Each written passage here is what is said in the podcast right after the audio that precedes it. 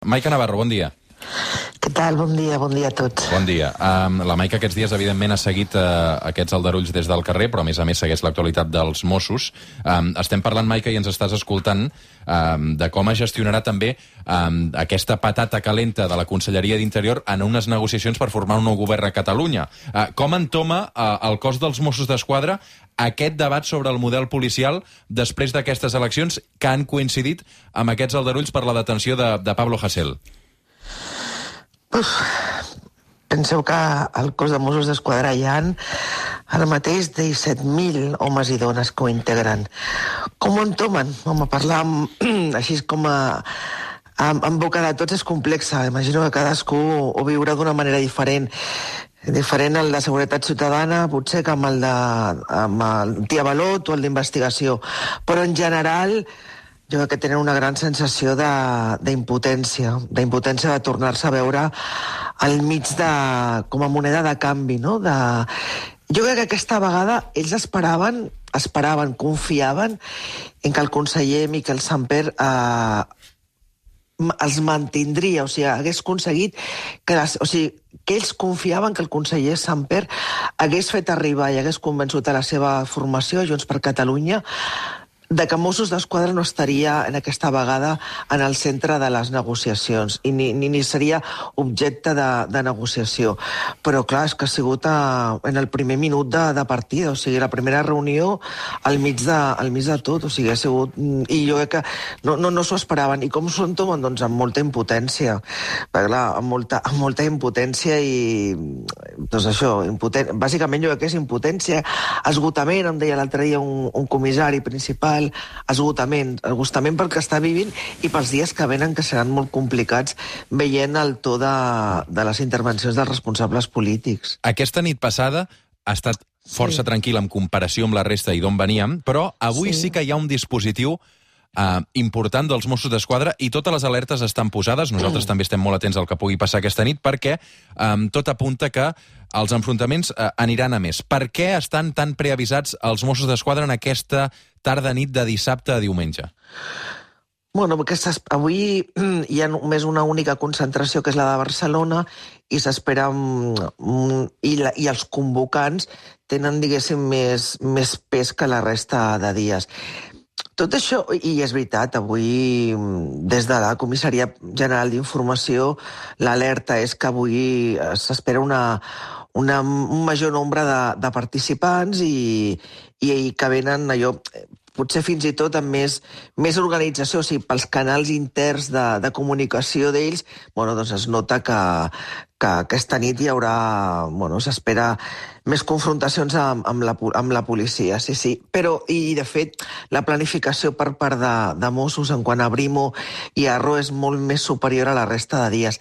També us haig de dir, els, que, els periodistes, els fotoperiodistes, els reporters, que, que aquests dies, aquestes últimes nits hem estat al carrer i que portem anys fent, fent successos i fem disturbis al carrer i que vam viure eh, els, els fets d'Urquinaona de, de, del 19, no hi ha comparació, no, no hi ha aquell nivell de... O sigui, no estem en un escenari com el d'Urquinaona. És veritat, hem vist molta barricada, molt contenidor, enfrontaments amb, amb la Brimo, eh, comença a haver-hi veïns que ja baixen al carrer amb les galleres, s'enfronten a peu de barricada amb alguns joves, però no estem en el nivell d'organització, d'ira i desatada d'Urquinaona. A mi una cosa que m'ha sorprès, Maica, aquests dies... Ni sí, dels un... joves, quan, mm. quan parles amb ells, ni, ni res, o sigui, no, no estem en aquest nivell. A mi una, això... una, perdó, una cosa que m'ha sorprès és que a les 10, o, o poc després de les 10 amb el toc de queda, els aldarulls normalment s'acaben. Home, clar, perquè, és, és, és, perquè clar, abans de les 10 no hi ha toc de queda i els grups... O sigui, l'estratègia aquesta vegada que està fent servir la, la Brimo, jo parlo especialment de Barcelona, que és el que he vist al carrer.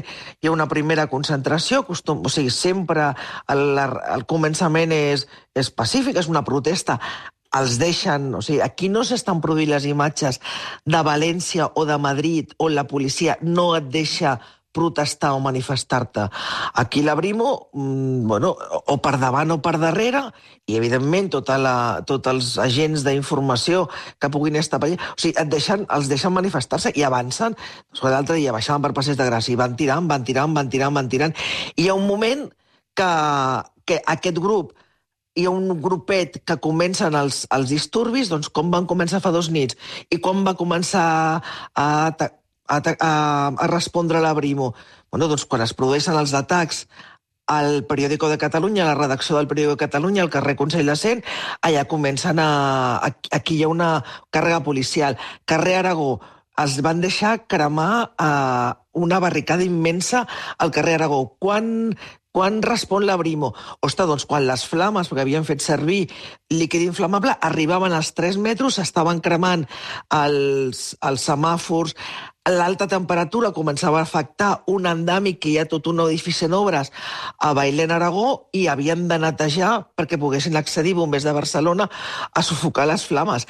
Per tant, eh, aquí es deixa manifestar. Ara, ja, ara insisteixo, no estem parlant d'Urquinaona i ni, i ni és el mateix procediment que estem veient d'UIP a Madrid o, o València. El que sí aquests dies hi ha hagut una línia vermella que pels responsables de Mossos ha sigut el més greu de tot el que ha passat, el més greu, que és uh, l'intent d'assalt però sí atac de la comissaria de, de Mossos de Vic, uh -huh. que ahir es va intentar Mm, d'una manera semblant, atacar, es va atacar la comissaria de, de la Guàrdia Urbana de, de Nou de la Rambla, que és on ahir els incidents es van traslladar de l'Eixample a Ciutat Vella, Nou de la Rambla. Doncs això de Vic és el que... I, la, i sobretot, l'atac a Vic, però el silenci brutal de tothom, de tothom, de totes les organitzacions polítiques, això va, clar, els va deixar amb el peu canviat, perquè mm, hi havia un, hi ha un responsable sindical de Mossos que feia una que m'explicava, i crec que em va fer també una, una piula de Twitter, després de l'atac a, la, al, al, a la redacció del Periódico de Catalunya, tothom ho va sortir a denunciar. Evidentment, només faltaria. Tots els responsables polítics, tots. Ostres, Um, i, per, I per què a Vic no? Per què? Per què va costar tant? O sigui, per, per què un Pere Aragonès, en, president en funcions, no pot sortir i dir que això no és, és una barbaritat? Per què? Per què només hem sentit a l'alcaldessa de Vic denunciar a l'assalt de la comissaria de la seva ciutat? Bueno, les, també hem sentit el senyor, no vull, el, algun dirigent, mm. Xavier García Albiol també ho va denunciar, mm. l'alcaldessa Cola es va sentir solidària amb Vic, però per què Laura Borràs fa una piulada condemnant rotundament a l'atac a la redacció del Periódico de Catalunya i no fa res, i no diu res sobre el que li produeix que, que ataquin una comissaria? No sé, jo és una bona pregunta. Entenc, entenc que no li sembla bé. Uh mhm. -huh. Entenc que no... Vaja, no ho sé. Josep però... Maria Eduard i Estefania. Eh, a mi m'agradaria ampliar... Ara estàvem parlant la Maica i molt bé de, de tècnica policial i perfecte. Crec que alguna cosa sí que deu haver fallat quan torna a haver-hi una, una noia que ha perdut un ull i tal, que això eh, ens hem d'acostumar malauradament que cada vegada que hi ha un esclat així de, de, de violència a Catalunya hi ha gent que, que però això ve de, ve de lluny, eh? ve, ve de l'època de Felip mm. Puig conseller ja.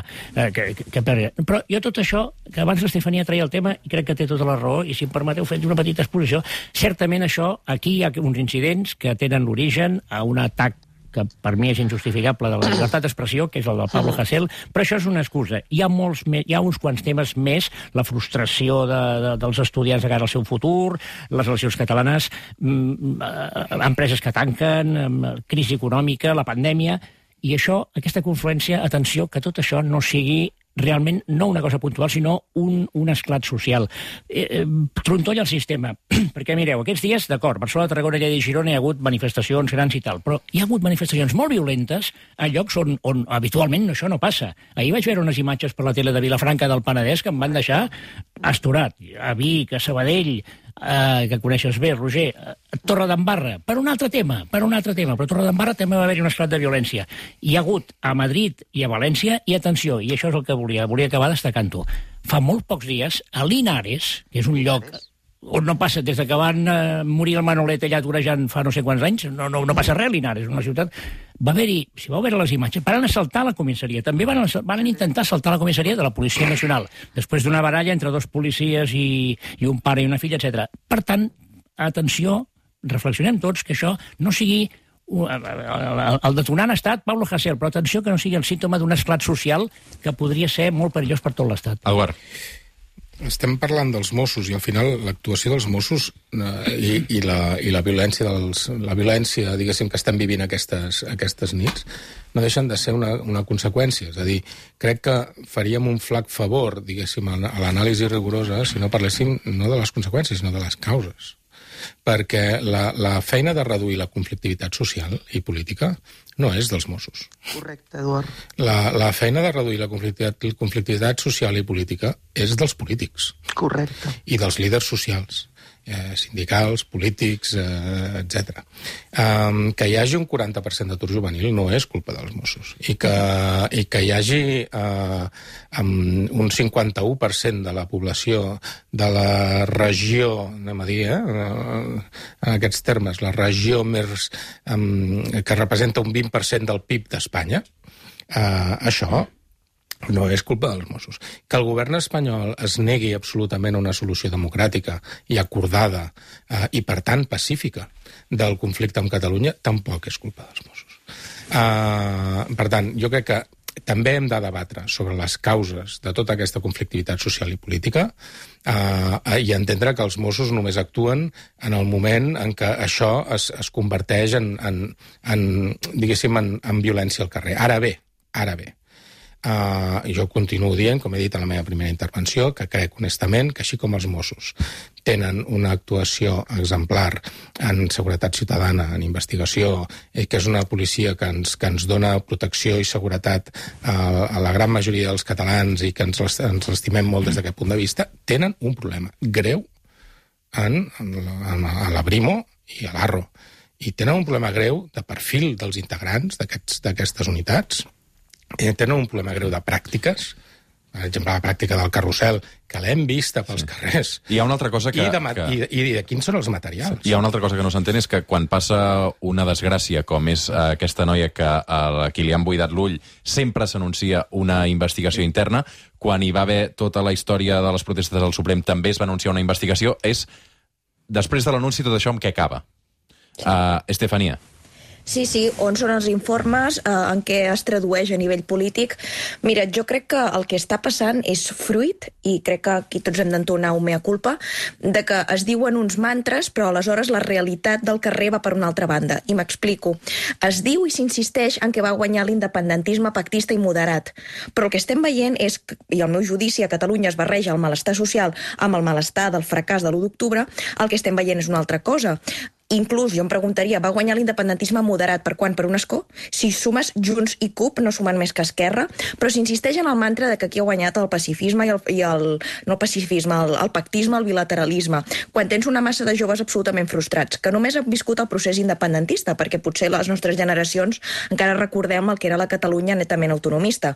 Per dir-ho així, ja sé que a l'Eduard no li agrada el terme, però és el que... No, la Catalunya netament autonomista. I continua és que, sent. És que ho era. I, i, i continua sent. No, és autonòmica. Però i a, i a Espanya, d'acord, i a Espanya, i a Espanya, i a Espanya, i a Espanya tens el govern de PSOE i Podemos, el govern més social de la història de, de la humanitat, pràcticament diran un dia, però alhora tens un Podemos que, que és molt intel·ligent en captar els climes d'opinió social i ja veu això, ja veu que s'està gestant una mena, anem a dir-ho així, una mena, entre cometes, de nou 15M, on la gent estarà frustrada i surt Pablo Iglesias o el seu partit a, a banderar o a fer-se um, l'amo d'aquestes mobilitzacions quan realment hi ha molta d'aquesta gent que repudia Pablo Iglesias. El propi Antor i Hassel han criticat a Pablo Iglesias.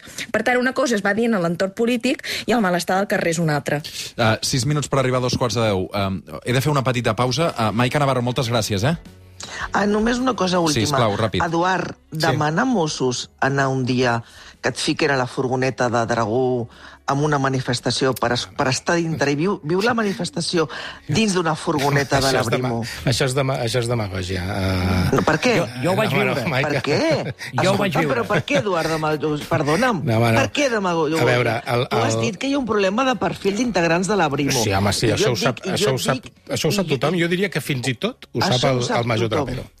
Això ho sap tothom. O sigui, dels 400 membres, homes i dones de la Brimo, al matí, quan avui, aquesta nit el que estan pensant és a veure a qui li poden trencar un, un braç o a qui li poden buidar un ull. Aquesta és la, amb aquesta idea s'aixequen. Jo crec que, jo crec que és, és molt evident, uh, Maica, Què? amb, amb el que hem viscut els darrers anys, que hi ha... Sí. Que, que Tu no hem, vist hem vist proves... Un segon, un segon, Maica, que parla l'Eduard. Després et torno a donar la paraula. dic que hem vist, hem vist proves, diguéssim, n'hi hauria centenars, podríem aplegar, dir, no sé si vols, diguéssim, ens emplacem a, a un altre dia i, i recollim documentació eh, gràfica, eh, escrita, etc. I, i, I em sembla que, vaja, és, és evident a través del que veiem els ciutadans, del comportament d'aquestes persones, que hi ha un problema, jo no dic en tots els integrants de la Brimo, però que hi ha a dintre de la Brimo eh, uns perfils que, que crec que caldria evitar que estiguessin fent aquesta feina.